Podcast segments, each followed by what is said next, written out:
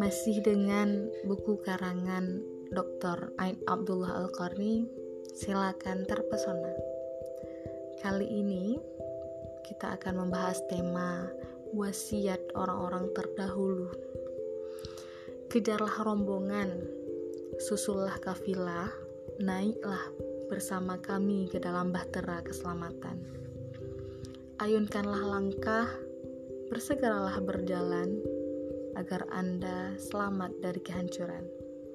Sejak bangun tidur sampai tertidur kembali, Anda senantiasa akan bergulat dengan setan, berkelahi dengan teman-teman yang jahat, yaitu dunia, hawa nafsu, angan-angan semu, dan khayalan panjang.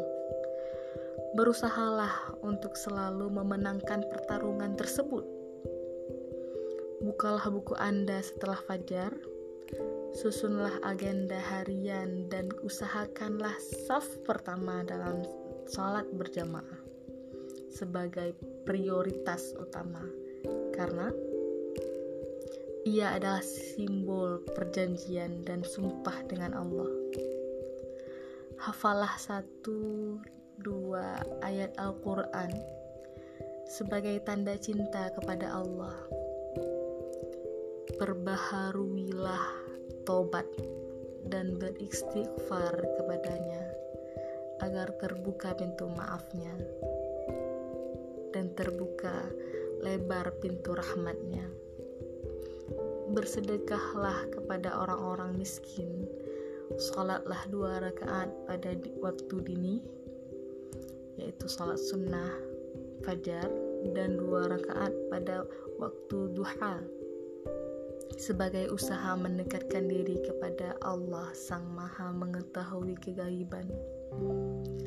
Jangan sekali-sekali silau dengan benda-benda yang fana, tapi kejarlah hal-hal yang kekal abadi demi masa depanmu di akhirat kelak.